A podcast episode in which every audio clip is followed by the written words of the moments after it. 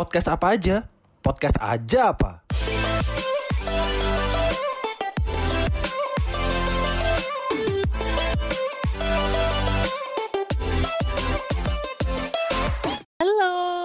Kembali lagi sama kita di episode keempat. Empat. Yeay. Hai. Halo. Kembali Wah, lagi kita sama udah- kita berempat. Iya, kita udah sampai ke episode keempat nih. Ternyata Iya. nggak kerasa juga ya udah Nggak sampai kerasa. episode keempat. Wah, Nah, semoga teman-teman eh, semoga kita ini ya eh, rutin Heeh. dan konsisten buat em, tema-tema baru, Bikin, topik-topik heeh, baru. jadi kita bisa menemani kalian di Betul masa banget. pandemi ini. Benar. Ya. Apalagi buat teman-teman dekat kita yang kangen sama suara kita nggak sih, guys? Mm-mm. Banyak tahu. Kita Banyak tahu ya, pasti kangen. Iya, banyak banget yang kangen. Eh, Eh masa Ayo. sih Jus? Eh Susan ada ada. Eh, kapan episode baru? Sumpah aku kangen banget sama suara kalian. Oh, Terus aku iya. dalam hati kayak, "Ih, peres banget, peres." itu dia cuma biar kita seneng. Oh, gitu iya. aja sih. Iya, itu bentuk dari Tapi nggak apa-apa. Bentuk dari Tapi nggak support. apa-apa. Kata-kata kayak gitu tuh kita butuhkan Betul gitu banget. supaya kita maju Mm-mm, gitu ya betul. Benar banget. membuat podcast. Nah, Oke, Kakak, Malam- hari ini apa nih? eh, episode ini Topiknya. episode keempat kita akan bahas film lagi Film supaya. Asik, teman-teman Series punya sih, ini series ya. eh, eh, series supaya teman-teman punya ini nih punya gambaran lagi mau nonton apa sih selanjutnya gitu Yes, just in case ini rekomendasi lain dari just kita in ya. case Dark udah selesai nonton gitu Betul. kan. Atau Ini mungkin oh atau mungkin nonton. justru malah lagi pusing-pusing sama Dark, terus butuh pengalihan sedikit. Ah, ini bisa. Betul. Nah, Heeh. bisa. Bisa banget. Ya bisa juga karena ini juga cuma satu season jadinya kayak lebih singkat gitu ya. Betul. Nah lah kali ini yang mau bercerita adalah Erin. Erin kembarannya Eris. Heeh. Kemarin udah Eris, sekarang Erin ya. Sekarang gantian gitu ya. Gantian. Gantian. Nah mungkin bisa segera dimulai aja silahkan.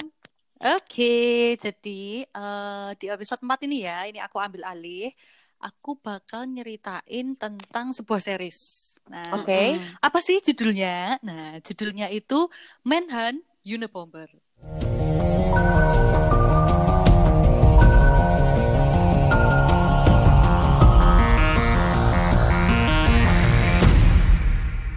Jadi aku mulai ya. Ya, yuk. Sikat. Oke. Jadi ini tuh series keluaran tahun 2017. Udah lama sebenarnya. Oh, lumayan Oh, lama tiga tiga bulan tahun yang lalu. Nah, dia ini terinspirasi oleh kisah nyata. Bener-bener ini based on true Based events. On true events, true events, story. ya. Orangnya ini- beneran ada. Orangnya beneran ada Bener. sampai sekarang masih hidup gitu ya. Jadi Oke. apa sih ini ceritanya? Ini tuh masuknya ke series crime, kriminal Oke. Mm-mm. tentang Mm-mm. seorang bomber di Amerika. Nah ini tuh dia tuh memang sangat mematikan sih karena si bom yang dikirim sama si orangnya ini itu tuh Mm-mm. udah memakan korban tiga orang dan 23 orang luka parah dari total 16 bom yang dia Wow. bikin. Oh yang gitu tiga ya. tuh mati gitu ya? Mm-mm, yang tiga Oh. mati, yang Berarti 23 ini orang tentang luka parah. terorisme ya, Kak ya? Iya betul terorisme. Dia menyebar teror soalnya. Mm-mm. Nah, Hmm. kasus ini itu terjadi dari tahun 1978 sampai 1995.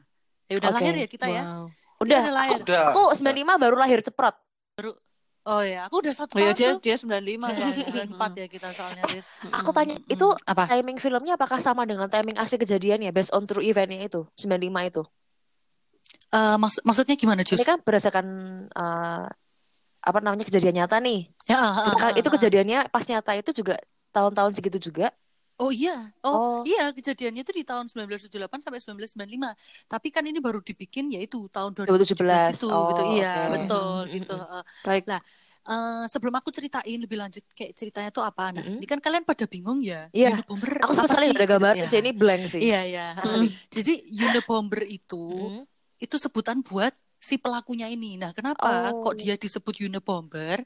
Oh. Karena dia itu pertama kali ngebom itu di dua tempat. Jadi di tahun 1978 itu dia ngirim bom ke salah satu universitas sama salah satu pesawat terbang. oh Nah, sebenarnya makanya ya. kenapa Unabomber itu diambil dari UN, UN UN. itu university, Oh. A-nya Airport. itu airplane, Oh, airplane. airplane. Oh, iya, Ah, airplane. airplane, iya. Jadi Oh. U digabungkan Oh. jadi UN University. sama A, heeh, jadi Unabomber gitu. Iya ya, Mm, mm, mm, mm, mm. Nah, itu eh yang disasar tuh dulu University of Illinois di Chicago. Terus yang pesawatnya itu adalah Boeing 727 yang terbang dari Chicago ke Washington. Oke. Gitu. Nah, Kenapa sih kok ini sampai diangkat sama Netflix, dibikin jadi series? Lah itu karena kasus ini itu pertama kalinya eh di mana FBI menggunakan forensik linguistik. Nah, apa tuh forensik linguistik? Kalian pernah denger gak? Apa Pernah, pernah dengar, pernah dengar. Pernah dengar? Pernah di mana di, di mana, Jus? Itu kebetulan ada di karena aku orang hukum. Itu Oh, iya, ada di iya. materi hukum juga gitu. Ada khusus Ha, ha, satu ha. tentang forensik linguistik gitu. Jadi kayak gimana cara membaca orang ketika memberikan keterangan tentang kesaksian dia gitu-gitu Hmm. pokoknya baca-baca Ah, cara bicara. lebih lebih eh, gaya bicaranya, Betul, penggunaan betul. kata-katanya gitu ya. Ya itu aku familiar Nah. banget sih. Aku langsung yang Nah, nah, wah ini pasti menarik udah. Hmm, nah, Asli. Itu makanya aku juga waktu nonton ini tuh aku juga baru kalau aku karena aku bukan orang hukum ya Jus, aku orang awam jadi aku baru pertama kali tuh dengar forensik linguistik.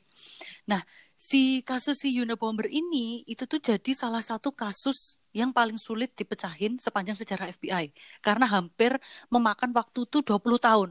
Oh, oke, Ya, mantap sih. sebelum Iya. ada Lama loh ya 20 Iya, tahun. 20 tahun lama banget, coy. Sebelum terus akhirnya ada metode linguistik forensik ini yang kemudian bisa nangkep pelakunya itu.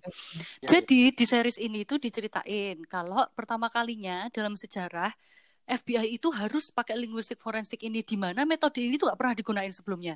Sebelumnya Oh. kan kalau seri-seris eh, kriminal yang sebelumnya itu kan pakainya tuh forensik yaitu forensik satu DNA, dua sidik Mm-mm. jari, tiga kalau misal ya ada bekas jejak sepatu yang kemudian kalau kita ngukur jejak sepatunya itu ukuran sepatunya berapa kita bisa memperkirakan tuh oh berarti kira-kira tingginya pelakunya tuh kayak gini nih Hmm. gitu terus iya. postur Oh, badannya kayak gini nah itu yang biasanya forensik yang umum digunain sama FBI atau sama polisi-polisi Yang gitu ya. semacam solid ya Mm-mm. sumbernya.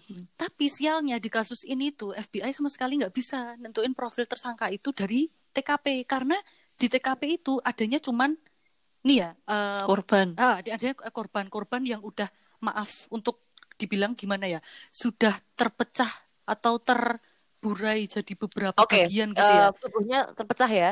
Iya, Korban karena kan kan bom itu ya. Jadi kayak iya, jadi si pelaku ini eh, kita sebut dia ini unibomber gitu ya. Iya. Si unibombernya ini dia itu mengirimkan bom ke orang gitu ya. Nah, begitu orangnya itu buka paketnya itu, paketnya itu kan pasti hancur. Hmm. Dan dia juga terluka gitu kan. Betul, betul. Jadi nggak ada bukti apa pun. Nah, satu itu bomnya yang dirakit itu nggak ada sidik jarinya. Hmm. Nah, yang kedua, bom itu dikamuflase jadi paket yang bisa Oh. dikirim dari mana aja dan ke mana aja. Jadi nggak bisa tuh ditelusuri. Oh, ini alamat yang ngirim di sini nih gitu nggak karena sama dia ya. hmm dia pintar Dia sih ngirimnya memang. heeh, bukan Oh. dari yang pos terdekatnya Emang, dia emang, gitu. emang Hmm. nggak kedeteksi gitu ya? Nah, Maksudnya ini itu badan- emang enggak, cuy. Emang emang nggak ada kan tahu nih deteksi-deteksi pengirimnya apakah siapa, alamatnya di mana pengirimnya gitu kan. Iya, Mm-mm. tapi gini eh, di filmnya itu jadi an- eh, filmnya itu dibikin yang narasiin seriesnya ini tuh juga si ini pelakunya itu. Jadi kayak dia tuh Oh. bilang, kenapa kok aku milih untuk eh, ngirim pakai paket ini karena saat orang tuh terima paket ini nggak tahu ya, ini kayak otomatis gitu kayaknya. Entah kalian tuh juga merasa atau enggak. Walaupun misal itu nggak diamatin, nggak- kalian nggak tahu siapa yang ngirim. Tapi kalau dialamatin ke kalian, kalian otomatis buka nggak? Iya sih. Iya Mm-mm, kan? Iya, Nah, maksudnya iya. kayak isinya Iya. apa ya gitu. Iya, kalian mau nggak mau kayak harus oh ya udah buka gitu karena itu tahu ke kamu. terima Oh, dari Nah, siapa iya gitu ya. Betul, Nah, betul. makanya makanya dari Oh. tahun 1978 sampai tahun 1995 itu nggak ada orang yang bisa apa namanya kayak eh, bahkan FBI itu nggak bisa eh, eh, membuat sebuah profil yang oh ya ini orangnya begini begini begini karena paket itu tadi nggak ada sidik jarinya Oh, dan nggak ada apanya Si gitu. Unibomber nih cukup pintar untuk memainkan psik- Ah. psikologis eh, korbannya nggak sih? Iya, Dengan cara itu orang kan langsung kayak ah, ini pasti langsung buka paketnya nih gitu kan. Nah, iya iya Oh, dia iya, pinter iya. kan moment dia dibuka langsung mak diar gitu. iya Ambil dan apa di ya? E? ya dan di Mm-mm. seriesnya itu sempat dikeliatin beberapa gitu eh, kisah ya eh, maksudnya itu adalah kayak reka ulang gitu ya maksudnya di seriesnya itu. Yaitu orang-orang yang baru terima paket langsung dibuka gitu. Ya meledak ya. Walaupun sebenarnya ledakannya itu sebenarnya bukan yang gede ya maksudnya Tapi kalau dipegang yang ya, mohon terus maaf. satu Oh, eh, ambil. satu kantor iya bukan Kalau yang dipegang mohon maaf loh.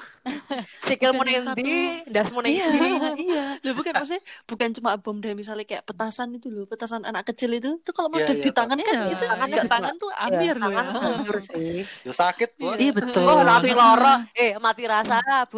Rambut Iya. loro berdarah Iya, apa, loro. Bukan satu apalagi bangunan bom kan. Mm-mm, jadi bukan satu bangunan yang kemudian runtuh, tapi di seriesnya itu juga kelihatan eh, eh, waktu itu meledak, itu terus waktu polisi tuh ngamanin itu TKP-nya itu butuh tiga kantong mayat untuk bisa ngumpulin Oh. bagian-bagian korbannya itu. Ya Gitu. ampun, kayak Ya kan tragis banget kan ya. Diceritain tuh emang Hmm. awal-awal tuh kayak aduh iki piye ra iso ketangkep gitu kan. Nah, Iya, terus Mm, mm, mm.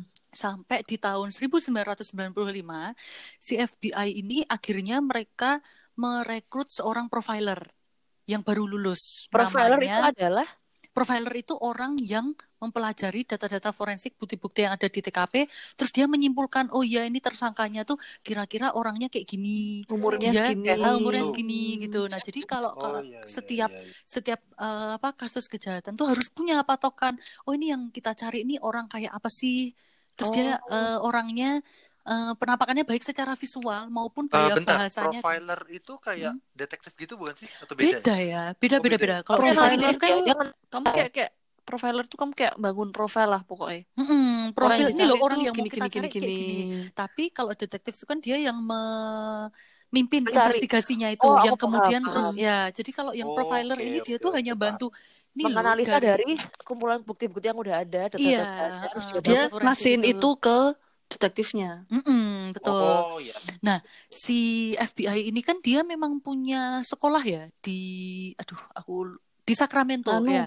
Sekolahnya di Sacramento. Sacramento. Nah, di situ ada unit-unit beberapa macam unit. Nah, waktu itu di tahun 95 itu lagi ada eh kelulusan. Nah, di atau angkatan itu ada orang yang pinter banget namanya James Fitzger- Fitzgerald itu.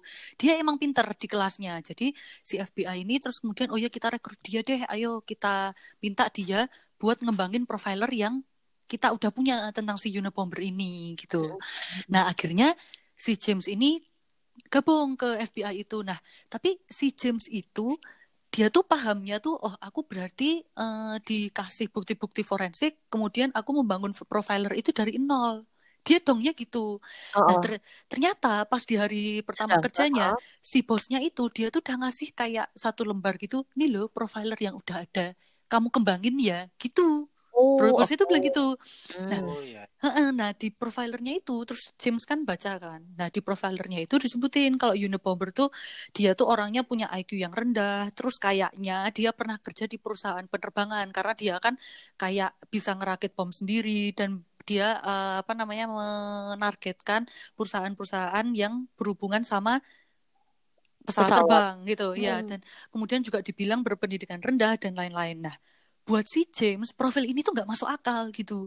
Karena selama ini kok kalau emang dia bodoh dan dia berpendidikan rendah, lah kenapa kok FBI susah banget nangkep?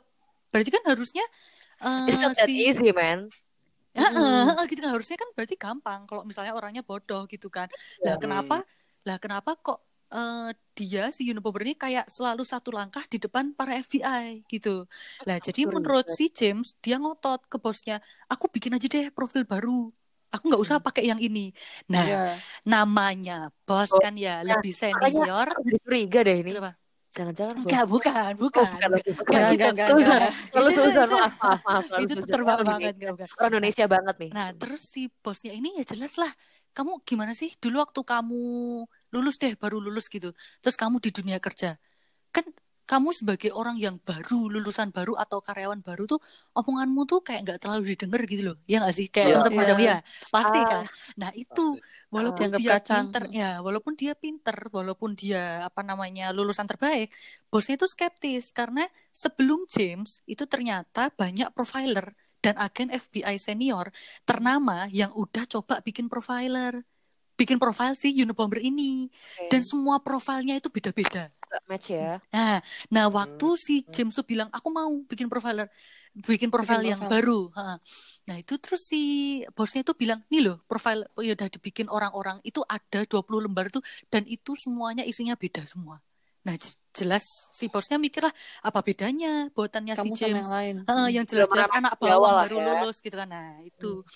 Nah, makanya terus si James itu kan dia kayak dia masih idealis lah ya. Maksudnya dia baru semangat-semangatnya eh, keluar dari kelas. Selama ini dia belajar teori, dia ada kesempatan untuk ini praktek, dia tuh kayak aku harus membuktikan diriku gitu loh. Nah, terus dia Mm-mm. eh, dia tuh inisiatif sendiri. Dia datang ke TKP-nya bom yang baru terjadi di tahun 93. Jadi dia direkrutnya itu kan tahun 95. Nah, di tahun 93 itu ada kejadian bom juga. Nah, kemudian dia datang ke TKP itu. Itu adalah TKP yang paling baru. Jadi Hmm. dia datang ke situ. Nah, dia tuh mikir, kok si Unabomber ini aneh ya. Dia tuh kalau misalnya mau ngelakuin sebuah kejahatan, misalnya kita ambil contoh tuh eh, pemerkosa gitu ya. Biasanya kalau pemerkosa itu kan setelah dia memperkosa cewek, eh, dia tuh melampiaskan rasa kesuksesannya atau rasa puasnya dia tuh dengan misal kayak nyimpen bajunya ceweknya itu. Ya nggak sih? Kalian Betul, pernah denger gitu. ya Mm, ya kan? Itu kayak Oh, wah, iya, itu kan sih trofinya kayak dia? yang suka kayak nyolong-nyolong BH heeh, Oh iya, Iya kan? iya, iya. itu kan kayak gitu. kayak kayak kayak apa ya? Dalam tanda kutip tuh trofinya dia gitu loh. Hmm, Nah, souvenir, souvenir. Ya. souvenir. Ah, lah si Iya, James ini dia mikir kalau biasanya pemerkosa tuh ngumpulin baju korban si Unabomber ini tuh kok cuman ngirim bom dalam bentuk paket dan bahkan dia juga nggak bisa ngeliat di TKP saat bom itu tuh meledak dan memakan korban. Berarti kan sebenarnya dia itu motivasinya bukan balas dendam atau bukan apa ya namanya, maksudnya cuman eh, ya kayak kesukaannya dia atau apa itu bukan. oh, iya, betul juga Karena kan orang kan puas tuh kalau lihat pas misalnya dia kayak nyekek orang gitu terus pas Ah. pas mau mati itu loh itu kan Iya. puas itu kalau dia. Oh. Nah, kalau berdasarkan eh, seri-seri crime yang kayak gitu kayak gitu kan gitu ya ngomongnya kayak kalau melihat sendiri tuh kayak pelakunya tuh jadi puas tuh. Nah, tapi kalau si Unabomber ini kan dia nggak bisa lihat gitu. Nah, terus si James mikir eh, si bom ini dikemas dalam bentuk paket. Berarti paketnya ini sendiri itu sebenarnya itu adalah simbol gitu loh. Kalau sebenarnya dia tuh mau nyampein sebuah pesan yang dia pengen orang-orang tuh denger gitu loh. Lah, Oh. Mm-mm. Nah, si James ini kemudian berdasarkan ya itu karena dia eh, brainstorming sendiri gitu ya. Hmm. Dia tuh terus ngadep ke bosnya dia bilang, menurutku itu bukan kebetulan kalau si korban-korban bom ini tuh korban-korbannya tuh eh, mayoritas perusahaan penerbangan atau ilmuwan atau ahli komputer dan orang-orang yang berhubungan dengan kehutanan. Dia tuh bilang, selama ini kalian mikir target-target ini tuh random karena kalian nggak tahu apa yang menghubungkan mereka.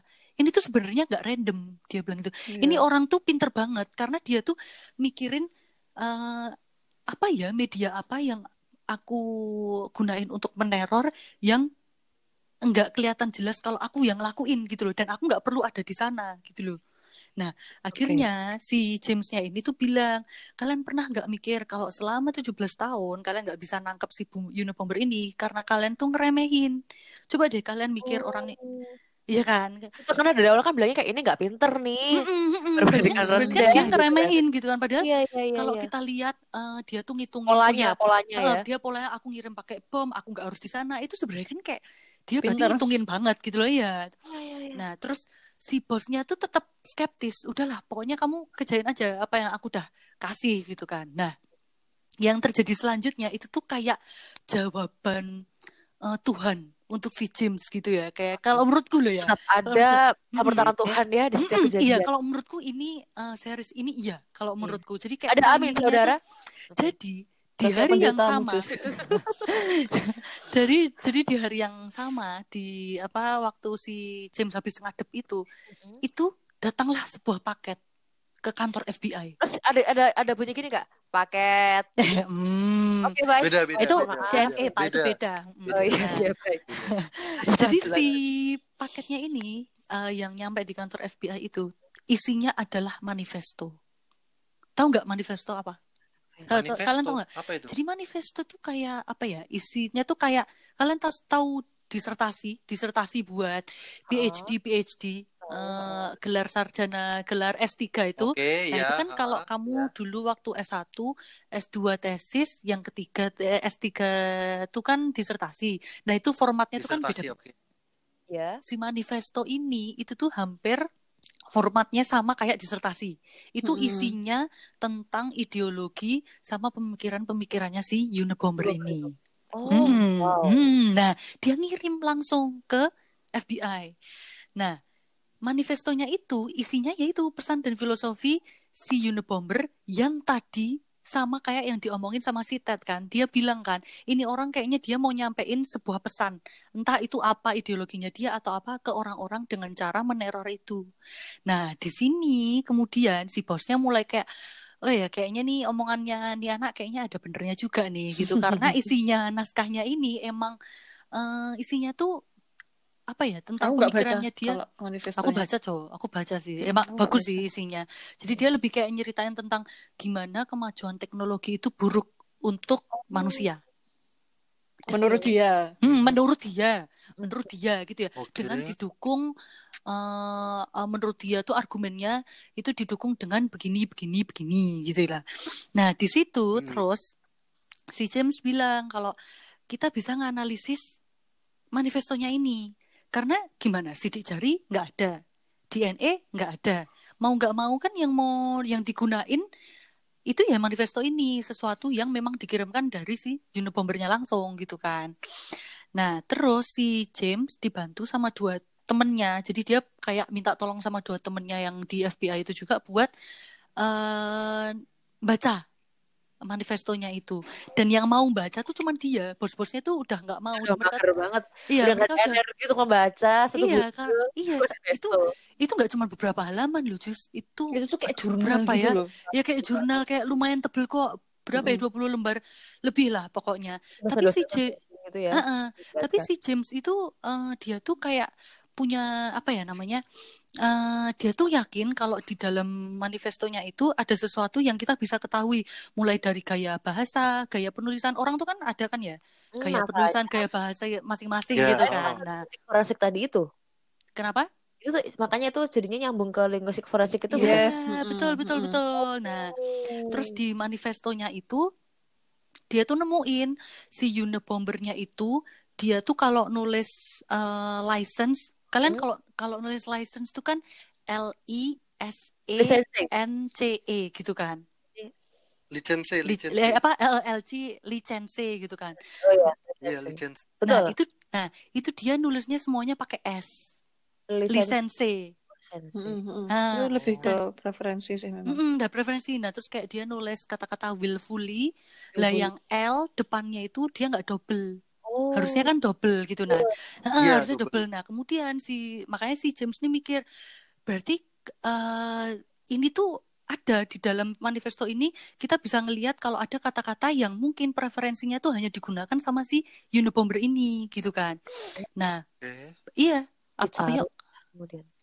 enggak Heeh, enggak, nah, lanjut lanjut Terus dia minta sama bosnya kan, eh gimana kalau aku eh, ditolongin buat dipanggilin ahli-ahli bahasa sih. Aku mau nanya ke mereka nih, ada nggak emang hal-hal yang kayak gitu? Maksudnya kayak satu orang dia tuh punya eh, preferensi kata-kata yang emang dia pakai gitu loh. Entah itu dia pelajari dari dia baca majalah atau dari dia ngomong keseharian gitu. Betul. Nah, terus dia eh, kenalan sama salah satu ahli bahasa itu namanya Natali. Ini cewek ya. Mm-mm. Heeh, si Natali ini kemudian bantuin si James ini. Nah, dia bilang sama si James ini, eh, di dalam manifestonya itu, itu tuh ada kayak, eh, kalau kamu pas nyusun tesis, itu kan ada kayak halaman yang kamu bahas tentang ada sesuatu misal kayak ada error-error di halaman-halaman di sebelah halaman-halaman sebelumnya udah kamu tulis. Nah, Hmm. itu judulnya tuh babnya itu corrections. Mm-mm. Nah, dia bilang sama si James itu, dia nulis corrections itu, corrections pakai bahasa Inggris atau errata. Errata tuh bahasa Latinnya corrections. Oke. Mm. Errata lah. Si Mm. James bilang, dia pakai bahasa Inggris, corrections. Nah, si Natalie terus bilang, berarti kalau dia pakai corrections, itu tuh dia nulis itu di sekitar tahun 1967. Karena format penulisan corrections itu tuh dipakai untuk nulis disertasi pada tahun 1967. Nah, berarti si James sama Natalie menyimpulkan berarti ini orang ambil PhD di sekitar tahun 1967 sampai 1972. Udah Wah, lumayan lah ya. Sedetail Iya itu kan? loh.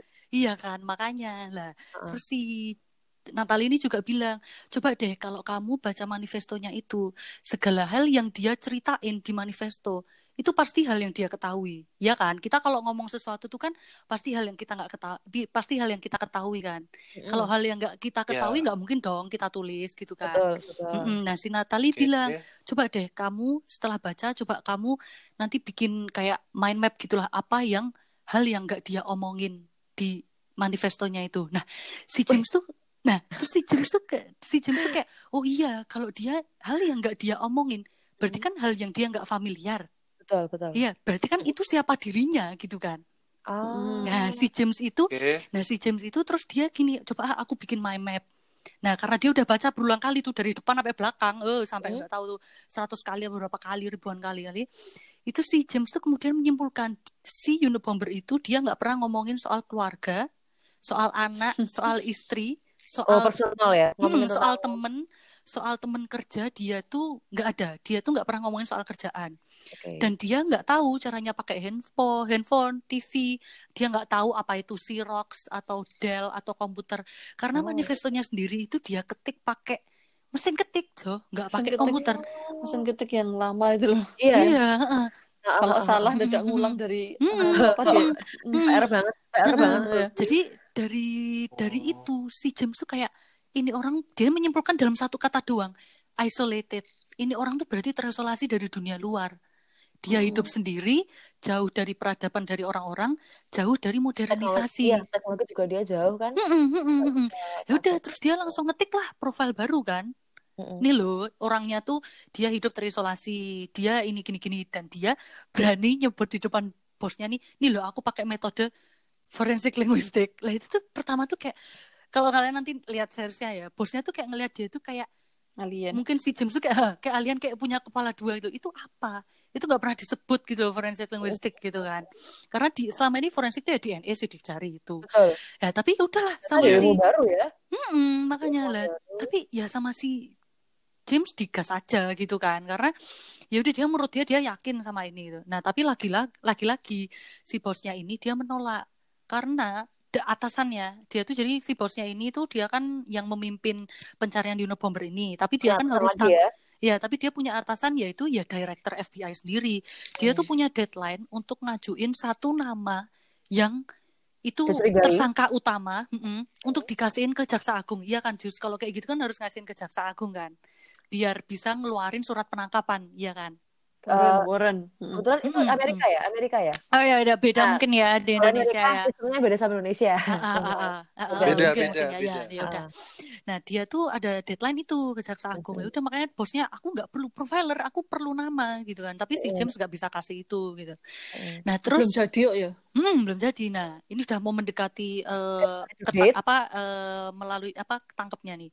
Besoknya ini juga kayak tadi aku bilang Jus kayak apa ya pertolongan dari Tuhan gitu loh kayak kayak timingnya tuh serba pas gitu loh sama si usahanya si si James ini si Unabomber itu dia tuh ngirim pesan kalau aku bakal berhenti neror pakai bom kalau kalian mau menerbitkan manifestoku di koran Oh, iya dia bilang gitu Go Go public public, itu iya. maksudnya. karena Oh. dia pengen semua orang Oh, tahu tentang oke. ideologi dan pemikirannya dia Mm-mm. Lah si James bilang, itu bagus dong berarti ini kan kesempatan langka kita bisa gunain itu untuk nyerang balik dia. Coba kalau itu diterbitin, semakin banyak orang yang baca manifestonya, bakal tinggi kemungkinannya ada orang yang kenal sama orang gaya yang tulisan ini. Nah, yang punya ideologi sama, gaya, Gaya bahasa penulisan sama, filosofi ya. sama. Nah, tapi si bosnya tuh kayak "Lah, tapi sama aja dong. Berarti kita negosiasi sama teroris dong gitu kan. Kan Mm-mm. kayak apa di film-film tuh eh, American does not eh, negotiate with terrorists gitu kan. Iya, Nah, jadi dia kayak aduh, enggak deh, aku aku Idealis nggak aku ya? nggak bisa. Iya, ini ini terlalu ini terlalu apa namanya kayak terlalu riskan gitu kan. Em- Mhm. emang juga jaminannya apa dia bakal berhentiin kalau udah kita publikasiin terus dia masih neror kan juga nggak ada tertulis hitam di atas putih gitu kan. Betul. Nah, terus eh sampai pas dia mau meeting sama Jaksa Agung, ini bosnya ya. Oke. Dia tuh masih bingung, aduh ini aku harus ngomong apa ke Jaksa Agung gitu kan. Karena di satu sisi aku nggak mungkin ngajuin yang tadi si James bilang. Karena itu riskan. Yang kedua aku juga belum punya nama gitu kan. Mm-mm. Nah, terus waktu dia lagi mau meeting itu, eh, lagi meeting sama Jaksa Agungnya ini, sekretarisnya Jaksa Agung ini tuh nawarin minum ke bosnya ini. Dia tuh bilang, eh, ya kalau bahasa Inggrisnya itu kan nawarinnya, do you need any water gitu kan. Ka- Kita kalau melafalkan water tuh kan water kan. Ah. Si sekretarisnya itu, dia tuh melafalkan water tuh wooder. Oh. W-U-U-D-D-E-R. Ah, ah, ah. Terus si bosnya tuh ingat pernah meeting sama si James dan si James tuh ngomong yang sama Wooder. Nah terus di ditanya kan sama bosnya kok kamu bilangnya Wooder sih Iya karena kan aku asalnya Philadelphia Philadelphia semua orang di kampung halamanku kalau ngelafalin water itu Wooder Wah. Lah, terus lah terus si bosnya tuh kan kayak terus dia kayak sebelum jawab mau air apa enggak dia bilang kamu dari Philadelphia ya sekretaris saya itu mengiyakan iya Nah, itu terus kayak bosnya tuh kayak itu tuh kayak pencerahan gitu loh buat bosnya. Apa bahwa selama bomber ini Hmm. orang Eh, Philadelphia gitu. bukan. Eh, eh, eh, ya, Jadi- bukan. Jadi kayak si bosnya ini Bukan. tuh kayak ter tercerahkan bahwa yang diomongin sama si James tentang forensik mengenali orang linguistik dari gaya bahasa Iya. itu bisa gitu Iya, loh. itu bener gitu loh, ya kan? Karena kan ternyata itu nggak cuma terjadi si James, dia ngomong Iya. Wooder, dan itu terjadi di orang lain gitu loh. Iya, oh, oh, oh. Mm. Nah, kejadian itulah yang kemudian dia, eh Oh, ya dia iya, iya, akhirnya, iya. ya ini eh, waktu dia ngomong ke jaksa agungnya tuh dia tuh kayak mempertaruhkan karirnya dia lah. Dia tuh emang mau udah mau pensiun. Ya dia bilang, aku tahu ini kalau kita mempublikasikan ini resikonya besar. Tapi menurutku ini adalah solusi yang paling terbaik, yang paling solid sekarang. Jadi yaudah dia terus ngikutin sarannya si James itu untuk nerbitin manifestonya itu di Washington Post. Tuh. Nah itu awalnya kenapa nanti bisa si Unabomber ini ketangkep yang kemudian ketemu namanya yaitu Ted Kaczynski. Gitu. Oh. dari situ Mm-mm. Jadi. Nice. eh, si jaksa agungnya ini ya udah ak- apa aku approve kalau kamu mau pakai eh, menerbitkan itu eh, karena aku tahu karena kalau emang itu nggak diterbitin dan dia beneran masih meneror bom ya itu kan juga salah juga gitu jadi ya udahlah tetap terbitin siapa tahu ya memang si Tednya itu akan menghentikan bomnya itu gitu nah pas udah diterbitin itu ya udah banyak orang yang baca dan ada orang yang ngelaporin gitu Hmm. Mm-mm. Berarti memang itu langkah tepat ketika menerbitkan manifestonya. Iya betul betul ya soalnya kan teman-temannya alumni teman-temannya apa gitu kan pada tahu semua Mm-mm, mm-mm, mm. pada Nah, hafal lah maksudnya. Nah, eh, ya mungkin yang yang dari tadi tak ceritain tuh tentang apa namanya eh, jahat-jahatnya dia kali ya, jahat-jahatnya si Ted. Maksudnya jahat banget kan ngirim bom ke orang yang kamu nggak kenal eh, dan kebanyakan dari orang itu tuh ada yang matanya cacat, ada yang jarinya hilang, Iya. ada yang gila coy ada yang ya macam-macam lah pokoknya. Tapi sebenarnya kalau nanti kalian nonton ya seriesnya setelah ini kalau misalnya kalian tertarik untuk nonton ya, itu ada sedihnya tahu. Eh, ada satu episode, aku lupa deh episode 7 apa episode 8, pokoknya judul judulnya Ted gitu. Itu nyeritain masa kecilnya si Ted, kenapa Iya, dia kasihan. kayak gitu. Kenapa dia the way he is gitu, kayak apa yang membuat dia trauma, apa yang membuat dia tuh kalau eh apa ya lash out bahasa Inggrisnya kayak melampiaskan kemarahan tuh kayak gitu dan kalian tuh akan aku aku berani taruhan deh 95% dari kalian pasti akan jatuh iba walaupun kalian udah tahu kejahatannya ya Mm-mm, kasihan Mm, kesian Jo begitu Keren, keren. Nice. Mm, mm. tapi Yes. terus eh waktu udah ketemu si Tednya ini Ha-ha. itu si Jamesnya tuh bilang ini orangnya tuh dia tuh ternyata beneran lulusan PhD dan dia mathematician ahli matematik dia Oh. pernah ngeluarin disertasi Mm-mm. disertasinya itu eh, saking sulitnya ya di seluruh dunia ini hanya 4 sampai lima orang yang bisa ngerti disertasi itu isinya apa Sejenius itu ternyata. sejenis itu IQ-nya memang, serat memang memang jenis banget memang. oh, IQ-nya Wah. 167 jus Wah. itu Wih, itu itu itu udah termasuk bona fide genius Jo Iya iya iya ya. Hmm, Gila. hmm, hmm, hmm. Makanya Memang memang sama IQ-nya ini ya, Hmm, Einstein ya. hmm, hmm, hmm, hmm. Gila. Dan tahu nggak sih yang meranin Ted-nya siapa? Siapa? Itu, Itu yang jadi, yang jadi- Jarvis. Hah? Iya, Jarvis? Jarvis. Jarvisnya si Iron Man? namanya Iya, Paul Bettany Iron Man. Oh, Paul iya. Bettany. Bettany. Ya makanya Hmm. waktu aku nonton itu, maksudnya tapi kayak cocok banget dia Hmm, mirip sama banget. orang aslinya Iya, mirip sama. Ted Kaczynski aslinya tapi tapi kayak aku terus mikir kayak ini lucu ya kan dia di Iron Man berperan sebagai Jarvis gitu kan which Iya. is sangat high tech gitu kan Betul. maksudnya high tech ini gitu teknologi Kontra banget terus, ya sama yang terus dia di sini kayak Tolong. teknologi istilahnya kayak Jarvis gone wrong gitu kayak kayak Jarvis kayak kerasukan apa gitu terus jadi Iya, kayak iya, gitu, gitu. Iya betul. Sumpah, betul. wah bagus dong actingnya. Aku kayak waktu ngeliat tuh kayak baik si ininya ya, baik si Ted-nya ini, si apa Jarvis itu, si Paul Bettany itu, sama yang jadi James Fitzgerald itu yang main Avatar, Sam Worthington tau gak sih? yang main Yang Avatar pincang Avatar. Iya iya iya iya. Nah, itu Yang dia yang pincang. jadi. Itu bagus, Dok. Wah perpaduan dua aktor yang Hmm, hmm, hmm. Kalau aku tuh bagusnya series ini tuh ntar pas itu loh, pas siapa pas si Ted udah eh, si Ted udah ketangkep terus dia tuh eh pertama tuh yang yang dia tanyain ke FBI yang nemuin aku siapa, Iya. aku mau ketemu Oh, oh, sama oh. orang itu. Oh. Soalnya dia mungkin karena apa ya? Karena kalau misalnya Iya, aku tuh si aku tuh si Ted gitu kan aku merasa aku tuh pintar banget gitu kan. Orang orang pintar Iya, tuh mesti sadar lah. Dia Heeh. tuh jenius punya tuh cara sadar. Jadi, identitasnya mm, dia. jadi ketika dia bisa ditemu, aku mesti penasaran banget lah siapa yang nemuin aku. Dan Pasti itu yang ilmunya, setara sama kayak aku dong ya nggak sih? Iya, Hmm. paling enggak toh. Atau Paling kalau nggak, enggak dia mungkin dia merasa kayak dia punya atau punya kemampuan lain atau emang Hmm. orangnya emangnya dia terlalu eh, detail banget lah apalah gitu. Jadi dia yang diminta yang diminta pertama dia itu sih dia pengen ketemu sama si Hmm. si James itu. Hmm. Dan dia Wah. bilang aku hanya akan mau ngomong sama satu orang yaitu ya orang yang nanda tanganin Ya, si surat itu. penangkapanku ini ya yang nama namanya James Fitzgerald itu mana orangnya dia gitu dan ntar tragisnya tuh kan yang nemuin forensik linguistik itu kan si James itu Mm. tapi si James itu tuh kayak orang yang nggak bisa di depan layar gitu loh dia tuh kayak kerjanya tuh di belakang layar gitu loh oh. dan kamu tahu si bosnya ini sama si jadi ada bosnya si James tuh sebenarnya nggak cuman si yang dari tadi aku ceritain ada Hmm. dua orang lagi waktu Ted itu ketangkep si bosnya yang dua orang ini itu dia yang ngaku dia bilang kalau iya aku yang nemuin forensik linguistik aku Oh, yang banget mengajukan metode ini Sebel Gitu, ya sama cuy. orang kayak gitu. Iyalah. Benci Iya. Dia di- ya. ya dia dikianatin sendiri sama bosnya dan waktu dia tahu dia digituin bosnya terus dia eh, mengisolasi diri dia dia sempat berapa bulan gitu mencoba untuk hidup kayak si Ted, Ted. itu Mm-mm. Oh. makanya kenapa dia tuh sangat paham sama si Ted dia tuh katanya kayak dia tuh ngaca sama dirinya sendiri gitu loh Oh, oh, oh. Eh, makanya nanti yang bisa membujuk si Ted buat ngaku, buat mengakui kalau oh ya itu bom-bomnya tuh tuh eh, hasil perbuatanku itu ya si Jamesnya itu. Wah, kalian harus nonton sih ini. Karena Mm-mm. sebagus itu ini tuh Dan Itu- itu cuma cuma. 8 episode tuh loh. Jadi cek cepet Oh, banget iya. gitu. Hmm, Hmm. cepet. Satu episode cuma 40 menit tapi ya.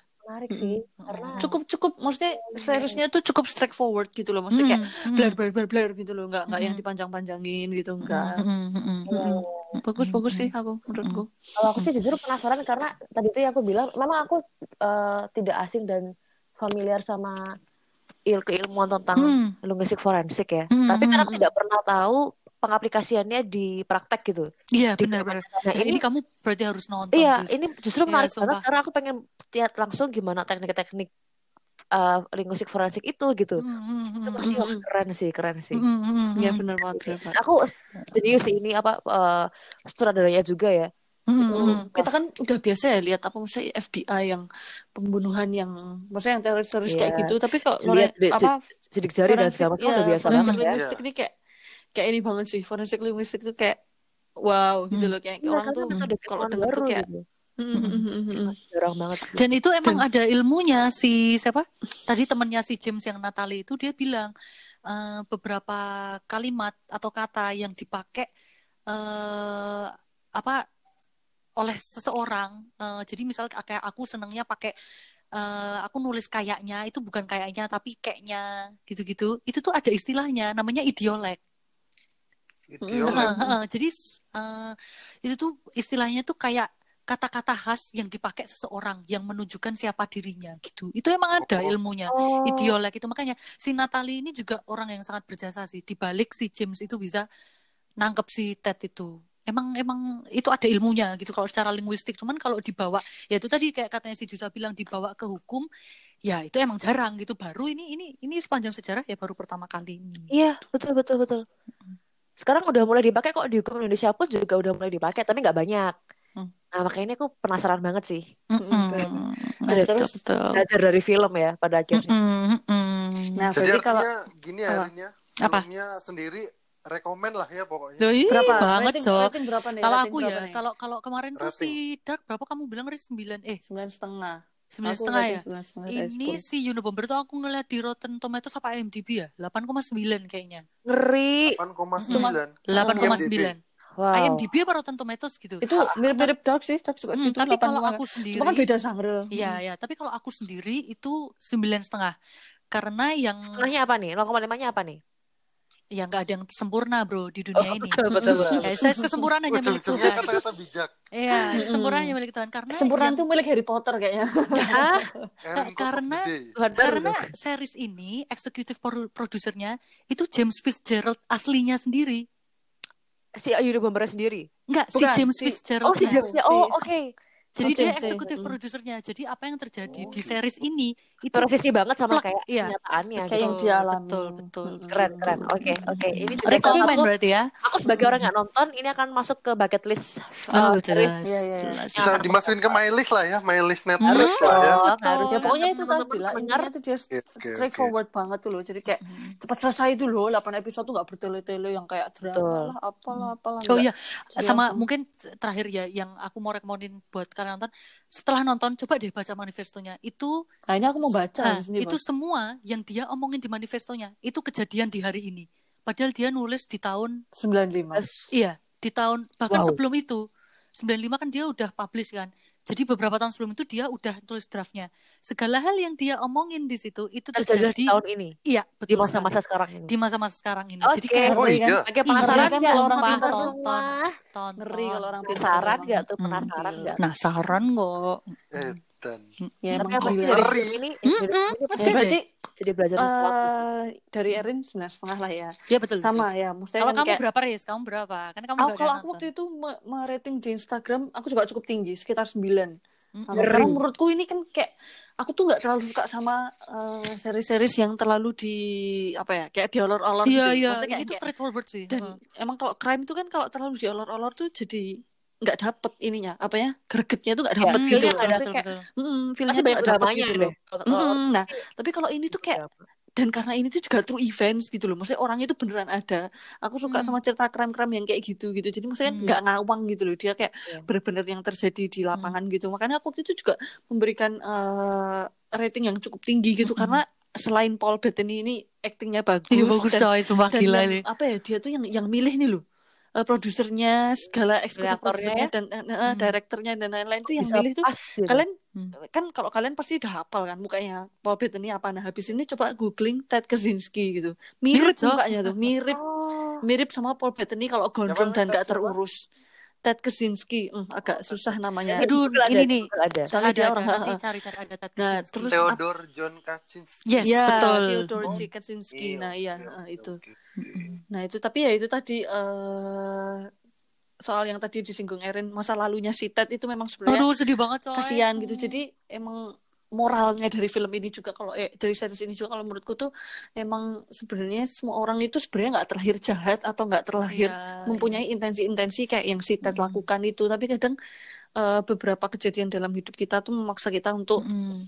Melakukan hal-hal itu tersebut Ya itu tadi. itu iya benar itu bukan faktor utama sih, tapi mereka Mm-mm. faktor pendukung. Tetap itu kita faktor sendiri faktor pendukung gede Ya, banget sih ah, itu si tetap kita kasihan sendiri yang menentukan Mm-mm. gimana kita mau bersikap itu. Tapi kalau kalian pas nonton nanti episodenya itu pasti kalian oh ya nggak heran sih maksudnya kalau dia kayak nggak gitu kalau gitu dia jadi kayak gitu. gitu. Oke. kasihan memang Mm. Nice.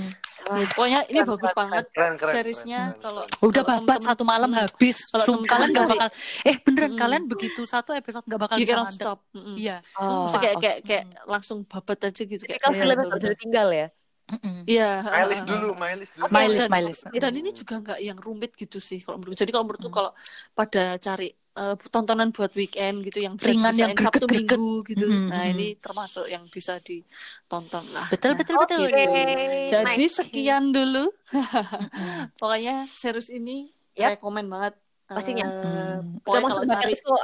Teman-teman pendengar juga harusnya tertarik juga sih. Mm, Yuk iya, kita semoga tet- mm-mm, nanti juga manifestonya dibaca. Sebenarnya emang manifestonya ini banyak banget sih orang yang eh, kalau kalau lihat di YouTube gitu pada bilang si manifestonya ini sebenarnya itu sangat brilian, tapi sayang si Ted ini mengeksekusinya dengan cara yang salah gitu. Maksudnya kalau dia orangnya lebih positif, dia akan bisa mengkomunikasikan manifestonya itu bukan dengan cara ngebom-ngebom itu tadi dulu dan Mm-mm. itu akan lebih make sense gitu karena kita Lebih baca- bisa diterima orang. Hmm, karena kita baca baca manifestonya itu tuh kayak kayak katanya itu kayak ya itu yang terjadi gitu loh dan itu kecemasan kecemasannya dia itu emang itu tuh sebenarnya Terjadi sekarang. Mm-mm, harusnya itu bisa buat prevent lah segalanya tapi ya itu tadi dieksekusi dengan cara yang kurang tepat Mm-mm. begitu. Terima kasih Erin sudah membawakan Iya, eh, sama-sama. series kita minggu ini. Selanjutnya kita akan membawakan seri-seri yang lain juga. Oke. Tunggu, Iya. tunggu, tunggu.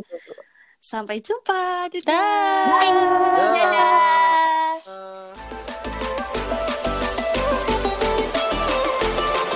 Podcast apa aja? Podcast aja apa?